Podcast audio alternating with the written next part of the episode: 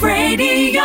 De laatste jaren zien we steeds vaker krachtige, energieke, gedreven vrouwen die zich op een bijzondere manier inzetten in de wijnwereld. En zij is iemand die met haar werk, passie, kennis of creaties de wijnwereld nog mooier maakt. Deze bijzondere vrouwen verdienen een prijs. Welkom bij de aller eh, tweede, derde aflevering alweer inderdaad van de Wijnvrouw van het Jaarverkiezing. De afgelopen twee uitzendingen hebben we kennis kunnen maken met de eerste twee genomineerde vrouwen. Claudia van Dongen en Elke Wolterink. En vandaag komt daar de derde genomineerde bij. Die is vandaag ook bekendgemaakt. En natuurlijk zometeen hier in de studio.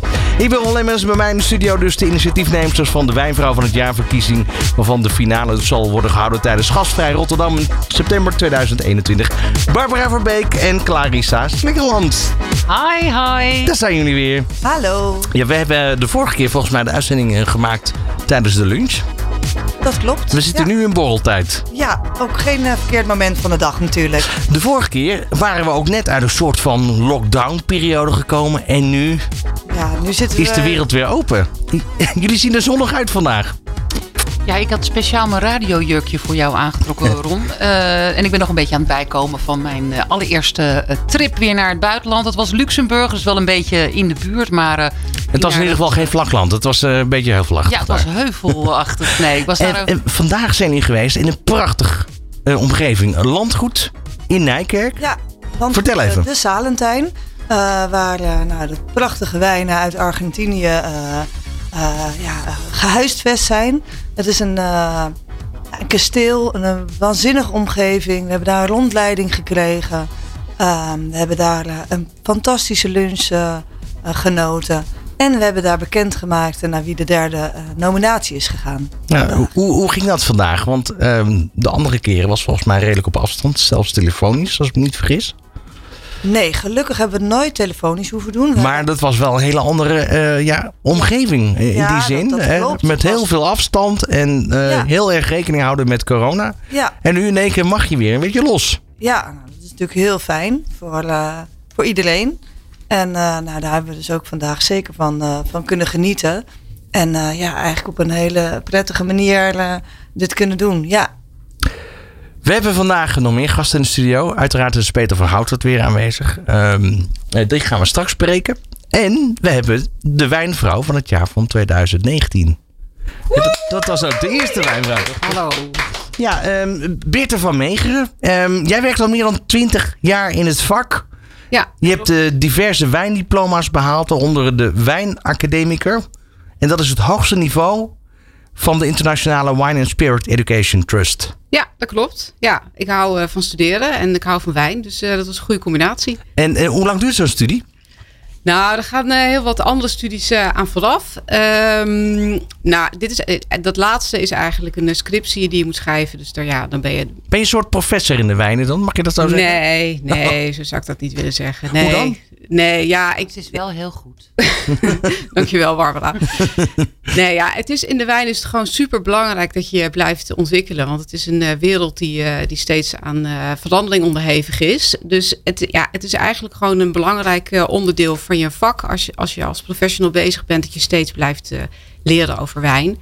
En eh, ja, daarom vind ik het ook zo leuk dat ik onlangs, eh, onlangs ben begonnen als opleidingsmanager van de Wijnacademie. Waar alle finologen van Nederland worden opgeleid. Dus dat ik op die manier een bijdrage kan leveren. Dus eigenlijk al die finologen, daar heb jij een soort van een stempel op kunnen zetten als het ware. Straks. Nou, ik ben- ik ben Die net, Heb je, heb je begeleid. Ik ben net begonnen. In, in februari ben ik begonnen. Maar ja, ik, nou ja, ik ben de opleidingsmanager. Dus eh, ja, ik heb er wel heel veel eh, mee te maken. Ja. ja, met het eh, rijlen en zeilen en het onderwijsprogramma. Samen met alle docenten van de Wijnacademie. Ja. We gaan een stukje na- naar ja, eigenlijk 2019. Even met jou, Barbara. Want het was de eerste echte ja, verkiezing. De eerste wijnvrouw. Ja, dat was nog best een ding. Eh, ik had een verkeerde foto gebruikt eh, als eh, ja, viel eh, voor, voor Wijnvrouw van dit jaar. Dat was een, eh, een, een, een, een, soort van artistieke foto waarin toch het een en ander te zien was van de dame. En dat, was, eh, dat gaf ons heel veel eh, PR. ik was er niet zo blij mee. Ehm Beerte was de aller, allereerste genomineerde. Eh, wat, wat, De dat was- allereerste genomineerde. dat was, ook eh, voor ja. mij was dat ook heel duidelijk. Eh, ja, Berthe die, die heeft zoveel petten op in de wijnwereld. En is, staat bekend als heel serieus en, en intelligent. Dus uh, dat, dat was niet anders dan Bert de eerste genomineerde. Maar daar zeg je eigenlijk dus dat op het moment dat jullie het idee hadden om dit te gaan uh, organiseren, Wijnvrouw van het Jaar verkiezing, had je natuurlijk van tevoren al in gedachten van nou, er zijn een paar vrouwen in het vak, die moeten absoluut genomineerd gaan worden. En dat was Birte dus de eerste die bij jou naar boven kwam. Dat is een hele eer, toch? Een enorme eer. Ja, ik was zelf ook heel verbaasd. Maar uh, ja, super. Ja. Maar je moet je ook voorstellen dat de Wijnvrouw van het Jaar, de stichting, nog helemaal niet zeg maar, zo groot was als het nu is. En dat ik met knikkende knieën ook Beert heb opgebeld. Omdat, ja, als hij nee had gezegd, dan was het weer anders geweest. Maar zij zei gelijk, ja, ik snap gewoon de hele filosofie van de stichting. dat je gewoon vrouwen die al jarenlang, meer dan 20, meer dan 30 jaar in de wijnwereld werken, dat die als een voorbeeld worden gesteld voor de jongere generatie. En dat zij dan denken, wauw, ik wil ook uh, opleidingsmanager, ik wil ook uh, voor gal en gal uh, dingen doen, ik wil ook in die wijnwereld. Dus ja, Miste jij het ook een beetje, Beert? Want wat we hebben net in de intro al een beetje kunnen horen, 20 jaar in het vak, dus toen was het een jaar of 18. Uh, miste jij die erkenning van vrouwen in de wijnbranche? Nou, ik heb wel een hele ontwikkeling uh, gezien. Uh, toen ik net begon in de wijn, uh, dat zal Barbara ook wel herkennen, waren er gewoon veel meer mannen. Als je dan op een beurs was, was echt 80% man. En de afgelopen jaren zie je gewoon dat er, dat er veel meer vrouwen in de wijnbranche ook werkzaam zijn. Maar Hoe, waar weet je dat aan? Hoe kan dat? Nou ja, hoe dat kan. Ja, om, vrouwen zijn denk ik heel geschikt uh, voor de wijnbranche. Het gaat uh, heel erg om uh, verbindingen met elkaar te leggen. Ze zijn vaak conscientieus. ze kunnen ook vaak goed en verfijnd proeven. Um, maar ze zijn vaak een beetje te bescheiden. En daarom is dit initiatief uh, zo goed om, uh, om vrouwen echt wat, wat rolmodellen uh, te geven. Om te laten zien dat, je het, ja, dat de wijnbranche gewoon geweldig is voor vrouwen om in te werken. En dat je daar gewoon ook echt een serieuze banen, super leuke banen in kunt krijgen. Dat is inmiddels een parallel die je kan leggen naar de derde aflevering. Hè. Dit is de derde kandidaat en ook de derde aflevering waarin we ja, de wijnvrouw van het jaar verkiezing eigenlijk als het ware gaan volgen tot aan september. De derde van de derde, ook van het derde jaar. Ja, ook dat. Ook dat nog eens een keer. maar, maar heel herkenbaar. En, uh, maar wat heeft het met jou gedaan uiteindelijk, die prijs? Wat levert het op? Ja, het is natuurlijk heel erg goed voor je persoonlijke PR. Dus je krijgt natuurlijk heel veel bekendheid. Dacht nou, je eindelijk, eindelijk een stukje erkenning voor. Nee, ik, ik had altijd wel erkenning vanuit mijn opdrachtgevers uh, gekregen.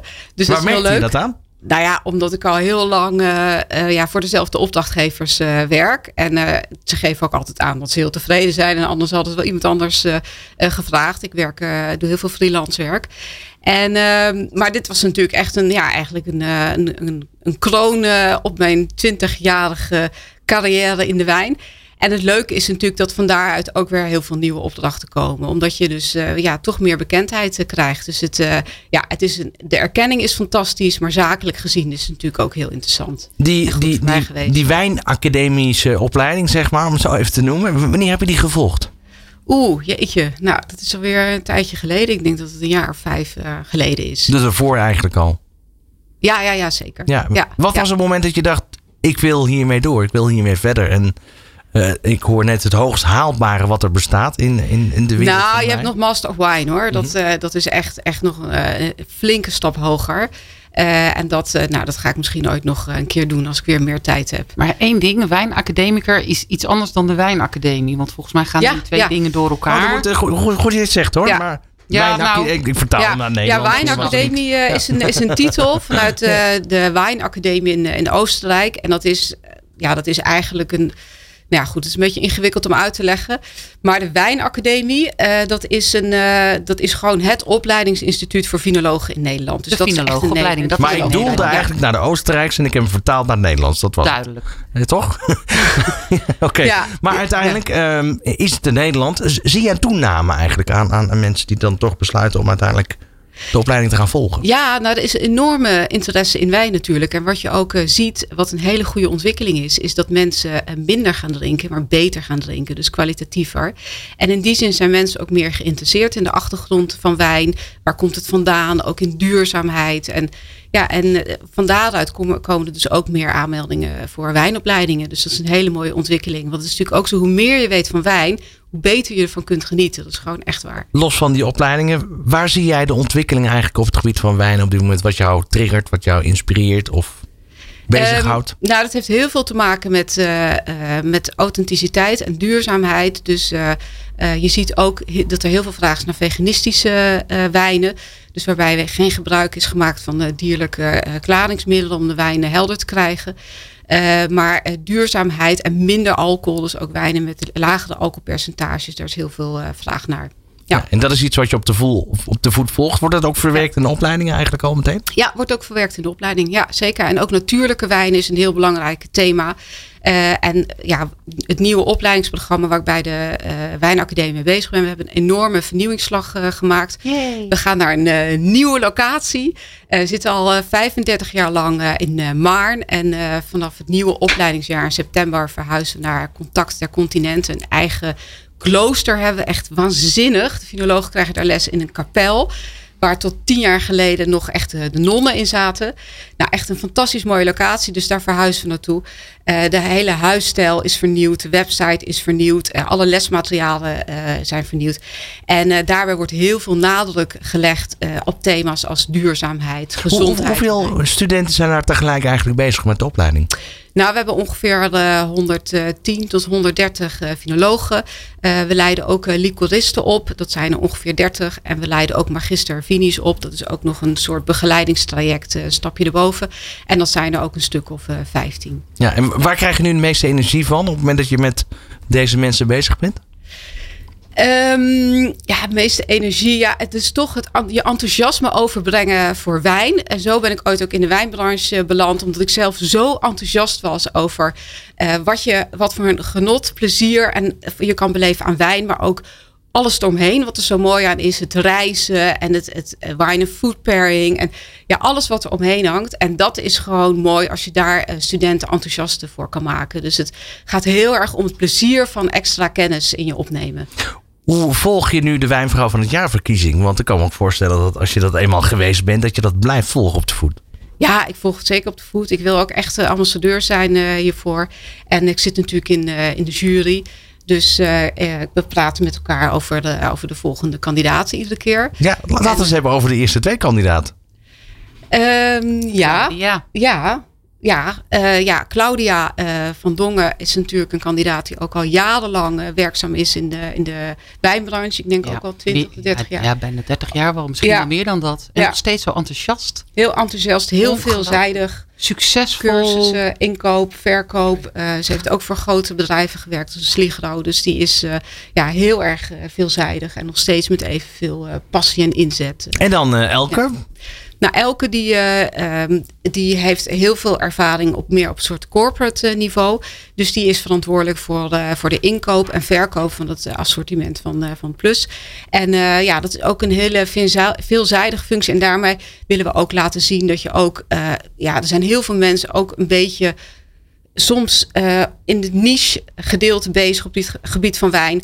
Maar je kunt ook gewoon op een ander niveau met wijn bezig zijn. Op een meer corporate niveau, grotere organisaties. Ja, en daar gaat het soms ook om bulk in wijn inkopen. Waarbij er gesteggeld moet worden over centen, zeg maar. Ik ken dat ook vanuit mijn ervaring bij Gannegal. En ook dat is gewoon een hele interessante kant. En, en men is toch wel sceptisch als het gaat om supermarktwijn?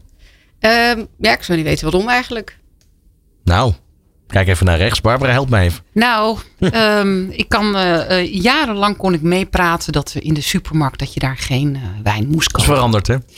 Ja, maar het blijft wel bij dat, mensen natuurlijk. Ja, dat geeft niks. Dat, dat, dat was ook vroeger zo. Maar we gaan steeds beter gaan we inkopen. En dan heb, dat bedoel ik dus een Elkes. Hè? Die gaan steeds beter inkopen. Ik heb laatst weer bij de Plus een prachtige Viognier. Dan moeten we even aan Peter precies vragen welke dat was prachtige wijnen. Ook een Côte Provence. Uh, ja, ik uh, ga ervoor hoor. Ja. ja. De kwaliteit in zijn geheel is gewoon echt uh, heel erg toegenomen de afgelopen jaren. En het is natuurlijk ook heel erg afhankelijk van de inkopers. wat voor wijnen er wordt ingekocht. Dus ja, Elke heeft daar ook een belangrijke bijdrage aan geleverd. Wij gaan je straks nog even spreken, Beert. Leuk ja. dat je er bent. Het nieuwe lifestyle radiostation voor iedereen. Good Life Radio. Billy Joel, My Life op eh, Good Life Radio. En uh, ja, we zijn dus bezig met de derde editie van uh, het bekendmaken eigenlijk van een genomineerde Wijnvrouw van het jaarverkiezing. En het is drie uit drie, aflevering drie, jaartal drie zou je kunnen zeggen. En we gaan zo meteen praten met de derde genomineerde. Maar naast Beerte van Megen, Barbara Verbeek en Clarissa Slingland is inmiddels ook aangeschoven. Een bekende stem inmiddels voor deze afleveringen. Peter. Hartelijk welkom. Dankjewel. Ja, uh, Peter van Houten, jij bent voorzitter van de Vereniging van de Nederlandse Wijnhandelaren. Uh, maar ook daarbij director van Wijnimporteur Verbund Verlinde. Uh, daar gaan we het nu over hebben. Ik zou willen vragen, kom even iets dichter bij de microfoon. Ja, ik, ik snap het ook. Je bent ook druk bezig met uh, wijn inschenken. Want we zijn begonnen met eigenlijk onze huiswijn. Dat is de Portillo, is ook van Salentijn. Ja, ja Salentijn is natuurlijk een, een waanzinnig verhaal van een Nederlander, Meindert Pon. Die na zijn uh, grote autocarrière... Eigenlijk gewoon een hobbyproject, toch? Was het? Ja, nee, mijn Pond, dat is het leuke. Dat werd wel eens gevraagd, wat vindt u nou zelf uw lekkerste wijn? En toen heeft hij gezegd Grols. En toen zei iemand, Grols is toch uh, gewoon bier? Ja, zei hij, maar het is geen hobby. Het moet gewoon geld verdiend worden. Mijn Pon uh, was iemand die het gewoon ontzettend leuk vond om projecten op te zetten. Maar wel met een zakelijk instinct. Dus ehm, ja, hobby... de scheidslijn zeg ik altijd in ons vak, in wijnvak tussen zakelijkheid en hobbyisme is flinterdun. Daar, zie je ook wel eens dat hele mooie wijnzaken of hele goede goed bedoelde initiatieven mislukken. Hè? Want uh, ja, inkopen kan eigenlijk iedereen, verkopen is een stuk moeilijker. Bij Pon uh, was het echt zo, hij kwam bij toeval terecht in Argentinië, heel lang verhaal. En, uh, en het was helemaal geen wijnman, maar, maar wel iemand met een onvoorstelbare zeg maar, visie op landschap en wat je daarmee kon doen. Hij kocht daar een, eh, een, een, een boerderij, daar zaten ook wijngaarden bij. Nou ja, de rest is historie. En hij noemde dat Salentijn, genoemd naar het landgoed waar hij zelf woont, in Nijkerk. Waar je nu over hebt, hè? Uh, hoe lang is dat geleden? Praat je over de negentiger jaren, dus echt van de vorige eeuw. En dan uh, hebben we het echt over, uh, ik denk, uh, wat zal het zijn geweest, 92, 93. Ja, jij bent een wijnimporteur. Je ja. Bedoel, en, en daarbij, je vertelde net ook al eventjes, je hebt ook 18 jaar gedoseerd in ja. de wijn ja. in de Nederlandse wijnacademie. Ja, daarom vond ik het heel leuk ook net wat Beerte vertelde. Want ik heb natuurlijk 18 jaar in Maren les mogen geven. En prima locatie, maar uiteindelijk Ben je een beetje jaloers op die nieuwe locatie? Die ja, heel erg, heel erg, heel erg. Ik heb, ik heb met onvoorstelbaar veel plezier les mogen geven. Ook in een tijd dat we langzamerhand overgingen naar moderne apparatuur. Hè? Dus ook PowerPoint-presentaties moet je nagaan. Ik deed de eerste lessen. Toen bestond het allemaal niet gewoon even zo van, uh, van een enorm boekwerk. En iedereen werd knettergek. Inclusief ikzelf. Dus uh, uh, dat is wel een hele goede vooruitgang geweest. Maar ja, ik heb nog een tijd in het bestuur gezeten van de Wijnacademie. En ik denk dat wat er nu gebeurd is, hè, met alle respect voor alle voorgangers van Beerte, dat het een geweldige stap is om de academie naar een volgend niveau te brengen. Vergeet niet Wijnacademie. Vinoloog van de Wijnacademie is een, is een beschermde titel. Dat ben je niet zomaar. Zo'n studie. Ik heb er altijd enorm veel respect voor, voor mensen die dat even doen. Maar even dan naar jouzelf. Uh, hoe ben jij zelf zeg maar, op kennisniveau gekomen? Wat, ja, dat is, was er toen al iets? Nee, nou ja, dat, dat was al wel. Want de Wijnacademie bestaat geloof ik al 40 jaar. Dus dat is het probleem niet. Maar ik ben een autodidact. Zoals er meer zijn van mijn leeftijd. Ja. Kun je nou niet meer mee komen. Nee, dat, dat gaat niet meer? Nee, nee, nee. En hoe hou jij dan, want je, je moet dan op een bepaald moment, als je autodidact bent, toch wel uh, laten zien en kunnen aantonen dat die kennis aanwezig is. Ja, zeker. Hoe doe je dat? Lezen, lezen, lezen, proeven, proeven, proeven. Dus ik ben wel enorm actief nog steeds in het vak. En, uh, en ik laat me ook continu voorlichten. Ik reis. En dus ik hou het wel allemaal bij. Maar er zijn mensen, uh, ik kan ze bij, bij, nou ja, ik denk zeg Beert al zelfs, die weten dat ping meer als ik in mijn hele lichaam. Kijk, vergeet niet, ik heb ook een commerciële functie. Ik moet gewoon zorgen dat de zaak draait en dat we verkopen. Uh, maar ik heb bij mij op de zaak een aantal mensen wonen, lopen, uh, zoals Floris Verlinde. Ja, dat is echt een wijnman puur zang. En ja, dat vind ik fantastisch. Maar ook hij zegt vandaag de dag, als we het allemaal opnieuw zouden moeten doen, dan ontkomen we er niet aan om echt eh, de opleidingen te gaan doen. Kan je ons dus meenemen naar een traject waarop je als wijnimporteur beslist om een bepaald type wijn of wijnenhuis te adopteren als het ware en in Nederland in de markt te gaan zetten? Hoe, nou, ik kan eigenlijk dat? Eh, Salentijn als goed voorbeeld nemen. Uh, Argentinië in, in 2000, 1999, 2000 was niet een wijnland zoals we het nu kennen. We hadden nog niet Hare Majesteit, koningin Maxima en Ja, er was zelfs geen Argentijnse paus. Dus Heeft het geholpen dat, dat Maxima er was? Enorm, ja, serieus? enorm. Ja. Zij heeft Argentinië op de kaart gezet. En dat doet ze tot op de dag van vandaag. Dat scheelt natuurlijk wel een slok op een borrel en eh, een slok op een glas wijn. Hè? Laat ik het zo zeggen. Eh, nee, maar zij, eh, dat heeft zeker geholpen. Ehm, eh, maar goed, op dat moment was dat er niet. Chili was wel een heel bekend wijnland in Nederland. Op dat moment zelfs al. Maar Argentinië redelijk onbekend. En eh, ik weet nog dat eh, meneer Pon, ik weer uitgenodigd in Nijkerk. Die vroeg aan mij van, wat, wat vindt u ervan? Nou, ik had er weinig geproefd. Ik was toch wel onder de indruk. En eh, kunt u ze gaan verkopen? Ja, en wat doe je dan? Je beseft dat, je beslist dat niet alleen. We proeven dat met een team. Dat doet ieder, ieder importeur. Je proeft dat met collega's. Je gaat kijken naar de mogelijkheden. Je gaat kijken naar de markt. En, eh, en je gaat ook goed praten met de producent. Van, heb je een budget om eh, advertenties te zetten? Gaat de flessen weg te geven? Dat is een heel traject, hè? En dat is eh, bij Salentijn is dat, ja, dat is een gigantisch succes geworden. Maar ik zeg altijd daarbij, weet je, Gallo is het grootste wijnbedrijf ter wereld. Die doen 1 miljard flessen produceren. Die. Mensen, wij kunnen dat haast niet voorstellen. Dat is gigantisch. Laat dat nou eens 10 miljoen of misschien nog wat meer in het putje gegooid worden. Dat mensen zeggen, god, ik vind het niet lekker. De rest wordt gewoon opgedronken. En dat is natuurlijk heel belangrijk. Want we kunnen alles vertellen over wijn. Maar als het niet lekker is, dan kun je het ook vergeten. Wat, Dus- maakt, wat maakt de Salentijn wijnen uniek of, of eh, authentiek? Dat is maar net hoe je het ziet. Nou, het, het, het, het is een project wat bijzonder zorgvuldig is opgezet met hele kundige mensen. Pon, eh Meindert Pon verzamelde ook altijd hele kundige mensen om zich heen. Dat heeft hij van meet af aan gedaan. José Galante, de wijnmaker, is een autoriteit in Argentinië. Die heeft hij binnengehaald. Dus hij heeft altijd daar nooit op bezuinigd. Topmensen binnenhalen die Maar, maar zit daar een stukje, want ik bedoel, dat, dat snap ik. Maar ik kan me ook voorstellen dat je als consument, ja, dat zal allemaal wel. Dat is leuk en Ja. een interessant verhaal, Ja. maar... Als die wijn lekker is. Maar precies, maar wat, wat maakt die, die smaak zo uniek dan? Ja, uniek. Het, over smaak valt nooit te twis- twisten. Maar het zijn hele, laat ik zeggen, de Portillo wijnen, die we net, waar we net over begonnen, zijn hele gangbare, lekkere, frisse wijnen. Zowel rood als wit. De Barrel Selection wijnen daarboven zijn weer een klasse beter, hout gelagerd. En dan ga je echt in de top. Hè. We hebben vanmiddag, ja, we mogen lunchen.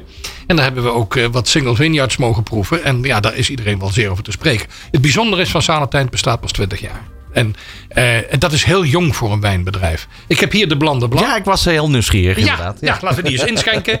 Eh, sh- 100% Chardonnay. Mhm. en, eh, en dat is een lekkere mousserende wijn. Dus we hebben het even niet over Ayala, wat natuurlijk champagne is. Ander niveau. Maar dit is gewoon eh, ja, even zo lekker. Hou glas te klaar bij. Ja, ja, ja. dankjewel. En, eh, en eh, dus eh, de dames zal ik dadelijk eh, Ja, eh, Beerte, ehm, dan maar even naar jou. Want jij blijft er gewoon lekker bij eh, dit uur ook. Ehm, wat kan jij over deze wijn zetten? Zeggen. Wacht even, een momentje. Ja, ja, daar ben je. Ja. Oh, zo. Kijk. Hoppakee. Gaan we eerst even ruiken natuurlijk. Ja, oké. Ik, ik, ik, ik ga even mee. Ik ga even op cursus, mini-cursus Ja. dan, hè? Een Ja. beetje, een beetje bloemig, een beetje eh, wit fruit. Dus je denkt aan eh, witte persik.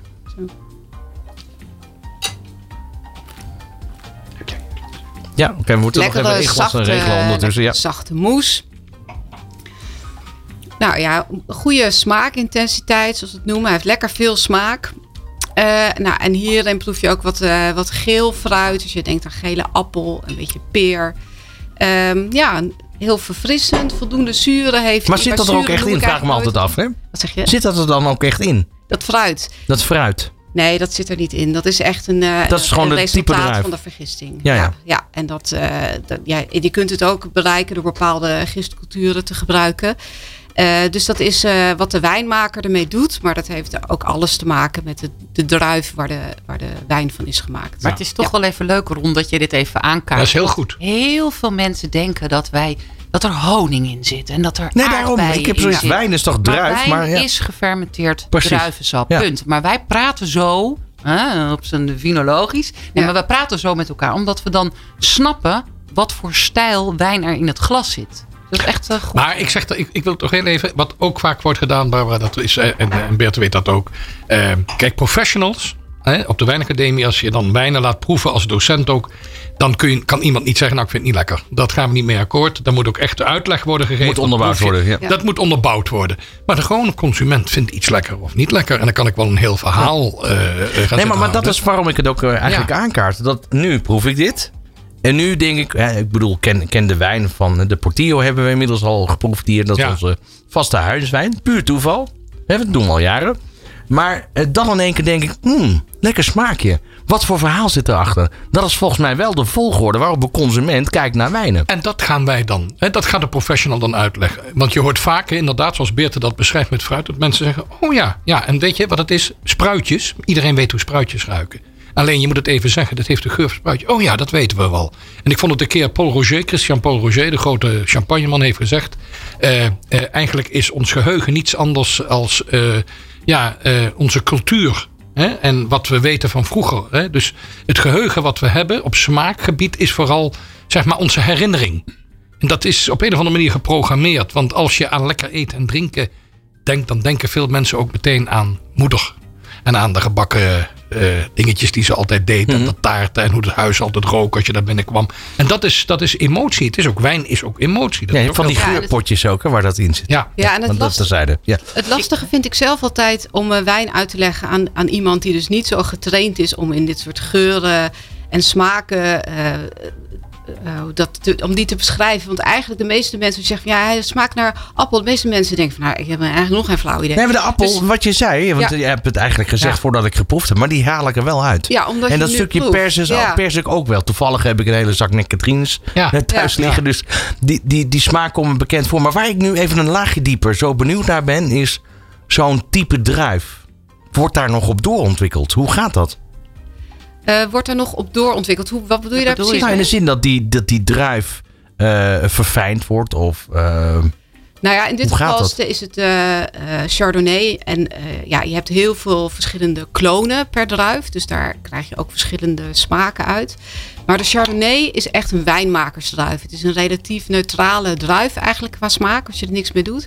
En de wijnmaker die geeft er eigenlijk de jeu aan door houtsnippers te gebruiken. Of de wijn op hout te lageren. Of de, het gistebo om te roeren. Dus, dus dat is echt een wijn. Maar het is niet zo dat, er, hè, wat, dat kennen we in Nederland, zijn we daar heel goed in, hè, met de rozen en de, de tulpen. Hè, dat wordt doorontwikkeld, dat wordt in Nou. een laboratorium nog verder geoptimaliseerd. Ja. Daar doe ik eigenlijk op. Ja, dat gebeurt wel. En dat gebeurt ook. En wat ook gebeurt, wat ook heel interessant is, is dat er een soort nieuwe eh druivenrassen worden ontwikkeld. En dat noemen ze ook wel hybride druivenrassen. En dat doen ze bijvoorbeeld in Nederland gebruiken ze die vaak omdat ze zeggen, nou die zijn beter bestand tegen het Nederlands klimaat, omdat het heel vochtig is.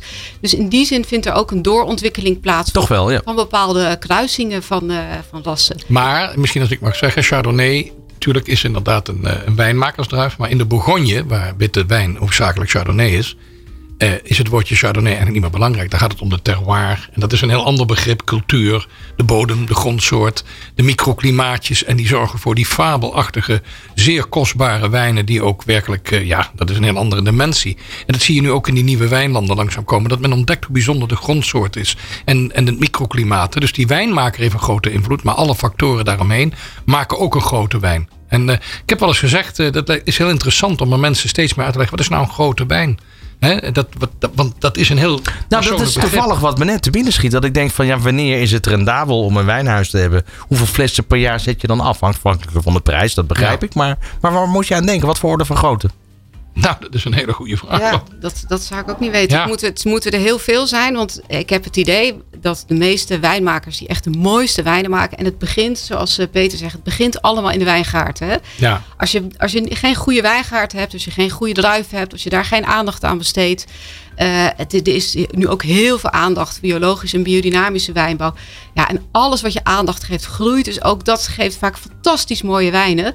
En, eh, ja, en als je die wijnmakers eh, spreekt, dan, of die, die eigenaren van die wijngaarden, dan, dan heb je niet echt de indruk dat het veel oplevert. Het echt, mensen klopt. gaan pas geld verdienen als het echt om hele grote aantallen gaat. Ja. Dus Maar zo'n wijngaard moet het eerst een aantal jaren eh, doorontwikkelen... voordat dat daadwerkelijk echt morgen een soort van constante eh, uit...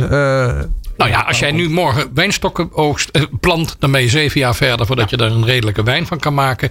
En als je een beetje goede terroir en alles hebt, dan ben je twintig jaar verder voordat dat kan. Dan moet je, ik, laat ik het zo zeggen, de wijnproducenten die ik ken op een enkeling na, die werken dag en nacht, net zoals eh, echt, echt alle ja, agrariërs is een groot woord. Maar in feite, het zijn in dit geval wijnmakers die natuurlijk grond en alles hebben, dag en nacht werken, hoge kosten, noem maar op. En kunnen er soms redelijk van leven. Iedereen kijkt altijd naar de champagne of naar de Bordeaux. Bedenk in de Bordeaux, hè, dat weet Bertha ook. Misschien de top 100, dat, eh, nou top 50 durf ik zelf te zeggen. Die hebben dan een aardige boterham. En daar zit echt diep armoede. Ik ben bij, bij wijnboeren geweest, de wijnproducenten in de Centimillion notabene.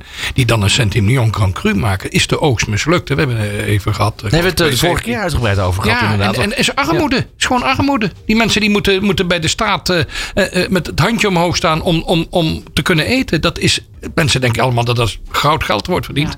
Vergeet het maar. Ja, en zeker nu met, die, eh, met de eh, klimaatverandering Ja, is het echt dramatisch. dramatisch Ja. momenteel. Het is niet alleen dat het klimaat eh, warmer wordt, maar het is super onvoorspelbaar. Dus het was twee jaar geleden was het 25 graden in januari in Bordeaux. Nou, nu hebben we continu eh, vorst in april. Ja, het is dramatisch. Gewoon hele oogsten gaan, eh, gaan naar de knoppen doordat Ja. er gewoon extreme weersomstandigheden zijn. En die meeste wijnboeren zijn daar gewoon niet voor verzekerd, omdat het ongelooflijk duur is. Dus het is echt eh, heel ernstig. Ook Wat, mij zo fascineert, hebben we het vorige keer ook over gehad, is die constante kwaliteit behouden. Jaar in, jaar uit. Het lijkt me de grootste uitdaging. Zeker als je een slecht seizoen hebt.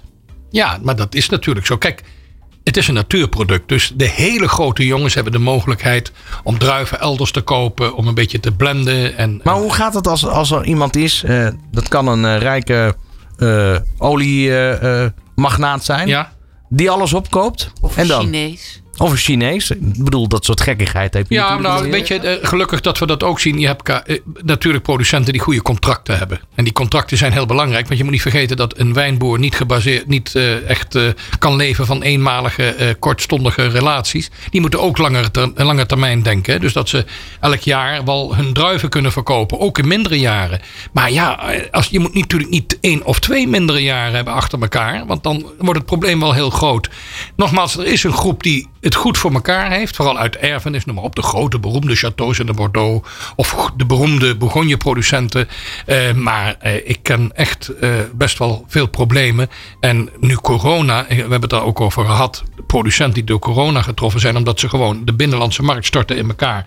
De Eh, horeca, ja. de horeca enzovoorts. Nou, zeg, je wilt niet weten wat voor een ellende. En wij hebben gelukkig kunnen doorbestellen door bijvoorbeeld dat onze winkels konden blijven doordraaien. En, eh, en daardoor ook snel kunnen betalen. We hebben die mensen ook geholpen. Die zeiden van kun je niet meteen even wat betalen enzovoorts. hè? Had dat Ja. nog effect op de boodschap die je eigenlijk naar de consument kon brengen? Want ik kan me voorstellen, ja, eigenlijk bleef er tijd over. Want we gingen niet meer tafelen, we gingen niet meer naar restaurants. We zaten gewoon iedere avond bij wijze van spreken op de bank met een een of andere film. En eh, dan kan ik me ook voorstellen dat je denkt, nou, ik wil toch wel wat invulling eh, geprikkeld worden door nieuwe kennis. Z- zag je daar een toename? Ja, er is ook met name een enorme toename geweest in kwaliteitswijnen. Mensen zijn echt Hm. de wijnen waar ze normaal, ja, als je normaal natuurlijk 30 euro voor een huiswijn in een restaurant betaalt. Ja, we konden niet uit eten. Dus mensen dachten, ja, normaal betaal ik ook 30 Precies, euro voor ja. een fles wijn. Laat ik gewoon echt een keer echt een topwijn kopen. Dus dat heeft, en die mensen hebben nu allemaal geproefd aan hoe een echte goede wijn eh, smaakt. Ja, dat smaakt natuurlijk naar meer. Dus wat dat betreft. En die gaan niet meer het, terug eh, naar het wijntje van eh, drie voor een tientje. hoor. Nee, dat doen ze niet meer. Dus, eh, dat is gunstig. Dus dat is natuurlijk heel gunstig geweest Ja. voor, de hele, voor de hele wijnbranche. Ja, de Al- horeca heeft geleden, maar de, Alle wijnwinkels in Nederland hebben geplust. Ja. Dan de horeca, dat is even het laatste punt. Ik ben blij, en dat is iedereen, dat de horeca weer mag gaan draaien. Maar je hebt natuurlijk de kwalitatief horeca waar de wijn in een, een niveau zit. Maar je hebt ook de natte horeca, Ja. waarvan ik toch wel weet dat daar de wijnen niet altijd op eh, sublieme kwaliteit eh, zijn. Is dat nog iets waarvan je nu ook ziet dat daar verandering heen komt? Nou, wat heel belangrijk is, wat ik altijd zeg, het, het scheelt enorm als binnen zo'n natte horeca, het, eh, het café, bruine café enzovoort, iemand is die van wijn houdt. En daar zich ook met de selectie bemoeit. Wij zijn heel erg bezig met onze groothandelaren om te zeggen, laat wijn nou niet het sluitpunt zijn van de relatie. Hoofdpijnwijn, hè? dat is een bekende Ja, term maar dat is, weet je, ik, ik zeg altijd tegen, tegen caféhouders, ik hou daar veel lezing over. Mensen luisteren, je hebt topbier, mooie glaswerk, kleine flesjes eh, frisdrank, verse jus noem maar op. En dan heb je een wijn die niet te drinken is, omdat je zelf niet van wijn Witte wijn met Ja. ijs, hè? Ja, Ja, toch? Ja, maar je, Ja, ziet, je ziet Maar echt... het eh, wordt beter. Ja, het wordt echt beter. En dat zie je Ja. ook op de wijnacademie. Dat er Ja. zoveel jonge Ja. sommeliers nu zitten. Vroeger waren het wat oudere mensen. Maar omdat die in- interesse in wijn is toegenomen, Ja. zijn er veel meer wijnbars. En wordt er dus ook gewoon naar een wijnkaart gevraagd als je in een eetcafé zit. Wordt er wat Burgondischer met z'n allen hier in Nederland? Zeker. Absoluut. Kijk even hoeveel sterrenzaken we inmiddels hebben hier in Nederland. Vergeleken met 20, 30 jaar geleden. En, en, en hoeveel Bib Gourmands. Dus echt mensen, go- goede chefs, goede restaurants. Waar je lekker kunt eten. En iedereen loopt. Oh, ik, ik las vanmorgen weer. eh, Wat u zegt, zo'n eigen ingezonde brief. Dat de horeca zo duur was. Dan zeg ik, meneer, als u in Florence zit of in Parijs of in Brussel. betaalt u ook de hoofdprijs. Prijs. Laten we daar nou eens over ophouden. Eh, ik ben heel trots op de Nederlandse horeca en eh, wat ze neerzetten. En vooral als ik kijk wat die hebben geleden de afgelopen maanden. Als je ziet wat voor een vreugde het is. Ik vanmorgen het restaurant wat ik sprak, ik noem de naam even niet. Gewoon volgeboekt tot kerst. Kijk, dat, zijn is, goede berichten. Dat zijn goede dingen. Hè? We gaan zo meteen het podium vrijmaken voor Ja. de derde genomineerde. Van koken tot wonen en van gezondheid tot showbiz. Good Life. En ja, en luister naar de derde speciale uitzending rondom de wijnvrouw van het jaar verkiezing 2021. We hebben de eerste twee kandidaten eh, ja, genomineerden, om het zo te zeggen, natuurlijk in die vorige afleveringen gehad. En ga nu naar de derde kandidaat. Ik ga even Barbara erbij halen van, eh, van de organisatie natuurlijk. Hè. Eh, Barbara, je zit er al de hele tijd bij. Eh, heeft het jou nog eigenlijk wat extra kennis opgeleverd over hetgene wat we net allemaal besproken hebben? Zeker, zeker. Ja. je leert altijd. Ik zit ook altijd mee te knikken. Ja, je, ik, weet, ik weet het een en ander, maar eh, je leert altijd weer bij. Elke dag trouwens. Ja, en we hadden het er net ook al even over. Birte is natuurlijk ook nog steeds in de studio. Wijnvrouw van het jaar van 2019.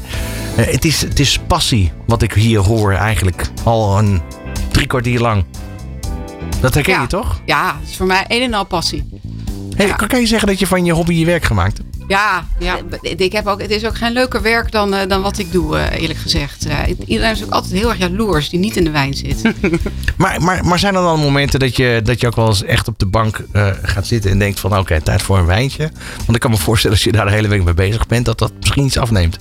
Ehm, nou, je moet juist oppassen natuurlijk. Dat je niet, eh, niet eh, eh, don't get high on your own supply. Hè? Dus je moet natuurlijk oppassen juist dat je niet te veel drinkt. Want je hebt altijd een feestje waar je voor uitgenodigd wordt. En die wijnreizen word je ook continu aan proeverijen en aan dineetjes. Heb jij ook een periode dat je helemaal geen wijn drinkt? Ja, zeker. Echt ja. waar? Ja, ja. Ook. ik doe- Een soort vakantie, Ja, ik wijnvakantie. doe een paar keer per jaar, een paar weken helemaal niks drinken. En dan, eh, Ja, Ron, dat is is, je moet, dat moet wel even duidelijk zijn. Als je een echte professional bent. Ik was net eh, op het concours de Mondial eh, de Bruxelles. En dat betekent dat je dus per dag 50, minimaal 50 wijnen proeft. Dat spuug je allemaal uit. Hè? Het is niet zo dat. Ja, maar het blijft allemaal- altijd een beetje hangen, toch? Ja, maar je zorgt dat je je mond spoelt met water. En dat je goed voor jezelf zorgt als je een echte professional bent. Maar goed, ik zag daar ook in Luxemburg dat sommige professionals. tussen aanhalingstekens. Toch stiekem een slokje namen. Ja, dat zie je Ja. met name s'avonds. ja, dus nee, maar dan ga je het niet redden. Dat Ja. is echt een aandachtspunt. Ja, dus ik ja. herken mezelf hier helemaal in. Ja. Oké. Ehm, ik vind dat we nu over andere dingen moeten gaan. Ja, nou, toch? alsjeblieft naar de derde vanmiddag was, was de lunch en werd daar de derde genomineerde kandidaat Ja, bekendgemaakt. Ja. Nou, zeg het maar. nou, ik vind het echt, het is zo'n ontzettende kanjer. Ze is eh, nog jong. Ze is eigenlijk net pas een jaar of vijf echt in, in, de, in de zakelijke wijnwereld. Eh, ze heeft er baan opgezet. Of opgezet Dat ga ik in- allemaal vertellen zo. Oh, dat ga Ja. jij allemaal vertellen. maar goed, zal ik het gewoon maar zeggen Zeg wie maar het wie is? het is. Ja. Nadine de Visser! Hey, ja. Ja, Nadine, ik, heb, ehm, ik, ik heet je van harte welkom in de studio. Ik heb inderdaad ook eventjes gekeken. In 2018 heb je jouw vaste baan opgezegd om fulltime voor jezelf te gaan beginnen in de wijnwereld. Bewuste keuze dus. En je begon de, de wijnopleiding eh, WSET, moet je zo meteen maar even uitleggen. Heb je die, die heb je inmiddels afgerond. Ja. En je bent in 2017 Le Club de Vie. Ik zeg, zeg ik het goed? De Le Club de de, de Vin, eh, gestart. Ehm, waarin je verhuurt als tekstschrijfster. Eh, je verkoopt het een en ander. Van, nou, ja, je doet veel te veel eigenlijk om allemaal op te noemen. Dus, maar, maar daar gaan we wel even bij stilstaan. Nee, maar dat moet je wel even, want, want echt kalenders met te gekke wijnteksten, notebooks. Nou, vertel. Le Club, is een, Le Club des Vins is eigenlijk een platform voor eh eh, tout le monde. Voor iedereen die wat over wijn wil weten. Dus dat begon met een blog. Eh, echt wel, eh, nou ja, ik denk dat dat wel acht jaar geleden was. Dat was eigenlijk gewoon een uitlaatklep voor mezelf. Ehm, ik wilde heel graag. Wat, voor werk had je eerst? Wat, wat deed je? Eh, product owner heet dat. Een soort van projectleider Mhm. Ja. bij eh Hallmark. Van de kaartjes. Aha. Dus, eh, Dus heel wat anders. Dus ja, precies. In de Scrum eh, Ja. Bekende, bekende naam natuurlijk. ja. eh, product owner. Ehm, en dat was eigenlijk meer hobbymatig. Dat je op een bepaald moment dacht van nou weet je. Wat was het moment dat je dacht nu ga ik ervoor? Nou, dat weet ik nog precies. Dat was in, in Aix-en-Provence. Ik ging tien jaar geleden, vertrok ik naar Marseille, naar de, naar de Provence. Ehm, en daar ging ik eigenlijk studeren. Ik, had, ik had in eerste instantie mezelf eh, ingeschreven voor Kopenhagen, maar er was maar één plekje. Dus dat werd eh, een andere keuze. En toen belandde ik in Aix-en-Provence. En dat was geweldig. Eh, het eerste slokje rosé onder de provinciaalse zon veranderde mijn leven. Dat is echt. Ah, wat zeg je dat Nou, dat is mooi. Dat zeg ik ook altijd als ik het moet uitleggen. maar dat is het ook gewoon Ja. echt. Ik zat daar en ik dacht, ja, Je dacht, dit is het leven. Maar waarom Ja. ben je dan weer terug naar Nederland gekomen? Nou, wijn vond ik vooral het leven. En ik vond het daar, ik leefde als een god in Frankrijk. Ehm, Godin. godin. Eh, maar ik moest, eh, ja, ik moest weer mijn studie afmaken natuurlijk. Dus ik moest terug. Maar daar is het wel allemaal begonnen. En eh, ja, wat we net al, eh, want je hebt van alles gedaan. Kan je, kan je wat meer over vertellen? Le Club Académie. Ja, ik, ik, ik durf het bijna niet in het Frans. Want Ik vind dat, het wel heel grappig. Ja, ja, dat snap ik. Ja. Snap ik. Ik heb natuurlijk ook al net een slokje geboekt. Maar, maar nou ja, vertel daar even. begon het eigenlijk. Eh, daar leerde ik natuurlijk van alles, maakte ik van alles mee. En dat wilde ik eh, delen met de wereld. Eh, normaal, de, ja, ik deed dat ook al met vrienden, maar die dachten op de duur heb je haar weer. Dus ik, ik wilde dat gewoon delen. En zo ontstond de club als website. En dat is inmiddels dus een, ook een webshop. Daar, Cursussen? ik geef aan? cursussen, ja. En ik heb sinds twee jaar een podcast. Eh de Club en Sommelier, de podcast. Waarin we ook eigenlijk eh, lekker keuvelen over wijn. Want ja, zoals je merkt raken wij niet uitgepraat. Ja, maar er mag wel even bij gezegd worden dat je bijna een miljoen downloads hebt. Miljoen. Nee, honderdduizend. Ja. Oh, sorry. Ja, ik hou Nee, dat is het doel. Dat is het doel Oh uiteindelijk. ja, Toch? ja, Ja, ja, sorry. Ja. Nee, Dat bijna. is ook heel ja. veel. We zitten nu rond de 80.000, dus dat is wel echt heel erg leuk. Maar zie je ook wat, we eigenlijk nu al de hele uitzending over hebben? Dus de interesse verhogen de laatste tijd? Jazeker. En eh, ik merk het ook echt bij jongeren inderdaad. Eh, dus eh, ja, ik geef regelmatig cursussen. En ik weet nog toen ik daar net mee begon... Ja, was denk ik de gemiddelde leeftijd echt wel, echt wel een stuk ouder. En nu ja, ook best, heb ik een paar studenten die nou, rond de 23, 24 zijn. Die dus gewoon naast hun studie een cursus volgen. En als je moet kiezen, waar zit jouw exacte drijfveer? Is dat de wil- verhalen achter de wijn? Is dat het proeven? Is dat het overbrengen van verhalen? wat wat ik, is het? wil, ik wil alles weten. Nou, dat kan, dat kan niet, want er is zoveel. Eh, maar ik ben altijd weer op zoek naar, eh, naar nieuwe verhalen. En ik vind dat ook heel leuk om dat dan natuurlijk weer over te brengen. In een cursus of in een, in een podcast. Of in een blog. Hoe kijk je eigenlijk naar de ja, eigenlijk, hè, potentiële voorgangers wijnvrouw van het jaar? Want er is nu nog een nominatie. Wellicht dat dat straks verzilverd wordt. Nou, ik voel me natuurlijk behoorlijk vereerd dat ik, eh, dat ik hier tussen sta. En in de sneltreinvaart, Barbara. In een sneltrein. Als je nog maar vijf jaar aan de gang bent. Nou, dat was toch? wel even een ding van eh, onderwerp voor de jury.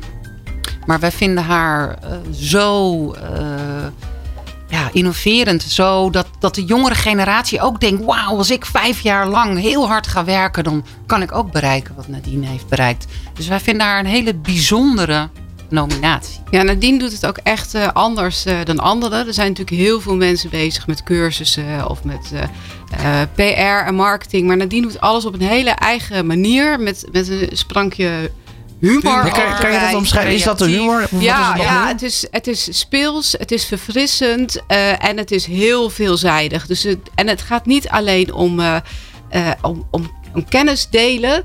Maar eh, het, is, het is eigenlijk van, van alles wat jij doet. Dus je, je speelt in, een rol in het kennis delen en ervoor zorgen dat mensen weer een stapje verder komen op het gebied van, eh, van wijn. Maar je, je geeft ook eh, hele leuke wine maps uit, proefnotitieboekjes, cursussen. Ze doet zo on- ongelooflijk veel. Ze schrijft ook heel goed over wijn, dus dat kan ze ook. Dus het is een enorme veelzijdige Hoe, hoe bouw vrouw jij je netwerk. Nadine? Nou, ik denk dat het eh, heel erg eh, komt door Instagram. Ik heb heel veel aan Instagram gehad. Eh, en nou, ik heb natuurlijk mijn website. En nu door, door eigenlijk de, de podcast is dat ook natuurlijk weer gegroeid. Maar wat, wat ook nog belangrijk is, is die opleiding. Daar heb ik wel heel veel nieuwe mensen ontmoet. En ja, En die je Maar, maar even voor, voor mijn hè? vorm. Oh. Hè. Ik ben nu echt absoluut te leek. Dat vind ik ook helemaal niet erg. Ik bedoel, Nou, ik je, leer heel je veel. stelt goede vragen, Ron. Eh, nou, dat is, dat is dan een beetje het vak eh, waar ik ingerold ben. Eh, maar ehm, wat is dan het verschil met de wijnacademie? Is dat, is dat het verschil dat waar jij je op doelt? Zijn dat mensen die hobbymatig bezig zijn met nog meer kennis vergaren over wijn? Of waar zit het verschil? Eh, nou, het zijn eigenlijk gewoon twee opleidingen. De ene is Nederlands en de andere is internationaal. Aha. In een notendop. Ehm, Ja, ja, ja, ja. Nou ja, het- dus de Wijnacademie, dat is eh, zeg maar het hoogste niveau in Nederland. En dat is echt een Nederlandstalige eh, opleiding voor, eh, voor finologen. En jij geeft cursussen voor WSCT, hè? Eh, ja, en SDN, om het nog makkelijker Ja, te dus ook maken. Nederlandstalig. En de Ja. Nederlandstalige opleiding zijn dan onder, eh, onder dat niveau van, van de Wijnacademie, zeg maar. En eh, de WSCT is een internationale opleiding waar Nadine dus ook nog les voor geeft. Ja, en Ja. ook de opleiding dan weer volgen. En En, die ook heb ik net. En dat is natuurlijk dat jij vloeiend Frans spreekt en ik daarom eigenlijk niks meer durf uit te spreken in het Frans. Hm. Toch? ja. Maar is- de, de jury vindt haar heel inspirerend. En we vinden haar een frisse wind in de Ja, dat, dat hoor ik eigenlijk nu er heel duidelijk uit. Ja. Dus vernieuwing. En ehm, ik kan me voorstellen dat een bepaalde vrijheid van denken. Heeft het te maken met toch je achtergrond waarin je als productowner eh, bezig bent geweest met kaartjes? Ehm, Dat is toch ook creatief, toch? ja, misschien wel. Dat ben ik altijd denk ik wel geweest. Ehm, Doordat je niet altijd maar in de wereld gezeten hebt en eigenlijk op Ja. afstand, nou, als ja. het ware, hebt kunnen observeren wat er allemaal gebeurde Ja. binnen die wereld. Nou, en het viel mij ook wel op dat het, dat het natuurlijk een hele serieuze wereld is. En dat het heel complex kan zijn. En ehm, dat, dat is het ook nog steeds. Maar ik denk wel dat je dat met een klein beetje humor af en toe kan brengen. Ook ja, soms om het ijs te breken. Want op een gegeven moment durft niet meer, niemand meer wat te zeggen. Om, omdat je bang bent om het verkeerde te zeggen, bij wijze van. En wat zag jij op het gebied van eigenlijk vrouwen binnen de wijnbranche? Wat, wat was jouw ervaring? Ehm, nou, ik, toen ik eh, hier naartoe reed, moest ik nog denken aan mijn eerste ervaring op eh ProWijn. Eh ProWijn is een hele grote beurs, Europese beurs in, in Duitsland. En ehm, nou ja, dat, dat was echt wel de ja, een, een concours van, eh, van witte mannen in eh grijs pakken. Ja. Ehm, het was ook het enige evenement waar ik denk ik een... eh, Ik, zie- ik zie hier van alles gebeuren in de studio. Moet ik misschien toch even omschrijven. Peter draait in één keer naar achter. Ja, maar wat Eh, ook- wat Barbara die zegt bevestigend ja. Nee. Ja, nou, wat ook nog mooi is Ja. om te vermelden, is dat er, er liepen wel een paar vrouwen rond. Maar er waren vrouwen die waren gehuld in een soort van bunnypakjes op hele hoge eh, hakken. oh ja. eh, met eh, promotiematerialen om zich heen. Dus het was echt. Eigenlijk de, de pitspoezen. Maar Als ware. ik dan Ja. ook nog wat zeggen? Want ik, ik ben dus net terug uit, uit Luxemburg, dus dat concours. Dus dan heb je twintig juries, eh, waarvan eh, elke jury heeft vijf mensen, dus vijf juryleden. En één daarvan is een vrouw. En hoe cool was het dat wij vanuit Nederland met zes wijnprofessionals waren. Wij zijn gewoon echt vooruitstrevend hoor. Ik was echt trots op ons land. Nou, dat is in ieder geval mooi. Kun je allemaal, iedereen in Zeg- pocket steken. Oh. Gezien de tijd. Ja, we moeten nog ehm, iets doen. moeten we Ron. iets doen? Ja, dat is inderdaad heel goed. Eh, dat is een eh, soort van officieel moment. Eh, Barbara, leg even uit, wat gaan we doen? Ja, we gaan eh, onder de, ja, het certificaat van de wijnvrouw van het jaar, de genomineerde derde, moet er altijd even een, een handtekening gezet worden. Ja, dus uh, traditiegetrouw doen we dat in de studio. En uh, het lijkt me nu een goed moment. We hebben hem uh, natuurlijk wel eerder uitgereikt, de oorkonde. ik heb hem hier We liggen. gaan hem uh, tekenen. Oké. Okay. Uh, nou ja, ik, volgens mij moet jij hem openmaken uh, uiteindelijk, uh, Goed. Het, aan jou de taak. Hebben we ook een pen? dat is ook wel handig. Hebben we ook een pen? Heeft iemand een pen Ja, in de hoor. zaal? Maar leuk om te vertellen dat we de datum voor de vierde nominatie ook al uh, geprikt Ja. hebben. En dat is? Dus zet hem even in de agenda, Ron. Want we komen daarna gelijk naar jou toe. Uh, 25 augustus. 25 augustus, kijk Ja, eens. en dat, En dan, dan mag jij vertellen, want dan gaan we natuurlijk naar de grote finale. Ja, we gaan daarna naar de grote finale. Maar voorafgaand uh, hebben we natuurlijk de vierde uh, nominatie die we gaan uitreiken. En dat doen we, is misschien wel leuk om even te vertellen. Dat doen we bij uh, Central Park in Voorburg.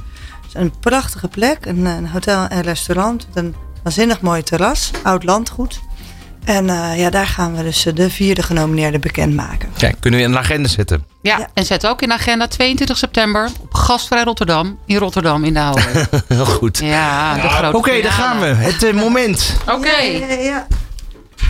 Zo, spannend moment. Hè? Dat wordt uh, toch even ondertekend. Oké. Okay. Um, dan ga ik toch even terug naar, uh, naar Nadine. Op het moment dat jij eigenlijk kreeg te horen dat je genomineerd was, wat, wat, wat gebeurde er bij jou? Nou, ik was spraakloos. nee, ik was echt heel erg verrast en ik vond het geweldig. Ik was op dat moment net wijn aan het proeven in een uh, wijnbar in Rotterdam. Um, maar ik, ja, ik was echt uh, verrast en vereerd. Nog steeds. Ik eh, wens jou eh, veel succes met alles wat er komen gaat. Dankjewel. Ehm, ik ga Barbara en Carla ook bedanken. Uiteraard ook eh Beerte eh, die aanwezig was en eh, Peter van Houtert. Ehm, wij zijn er dus eind augustus weer met een speciale uitzending met dan de vierde genomineerden. Bedankt voor het luisteren. Doei.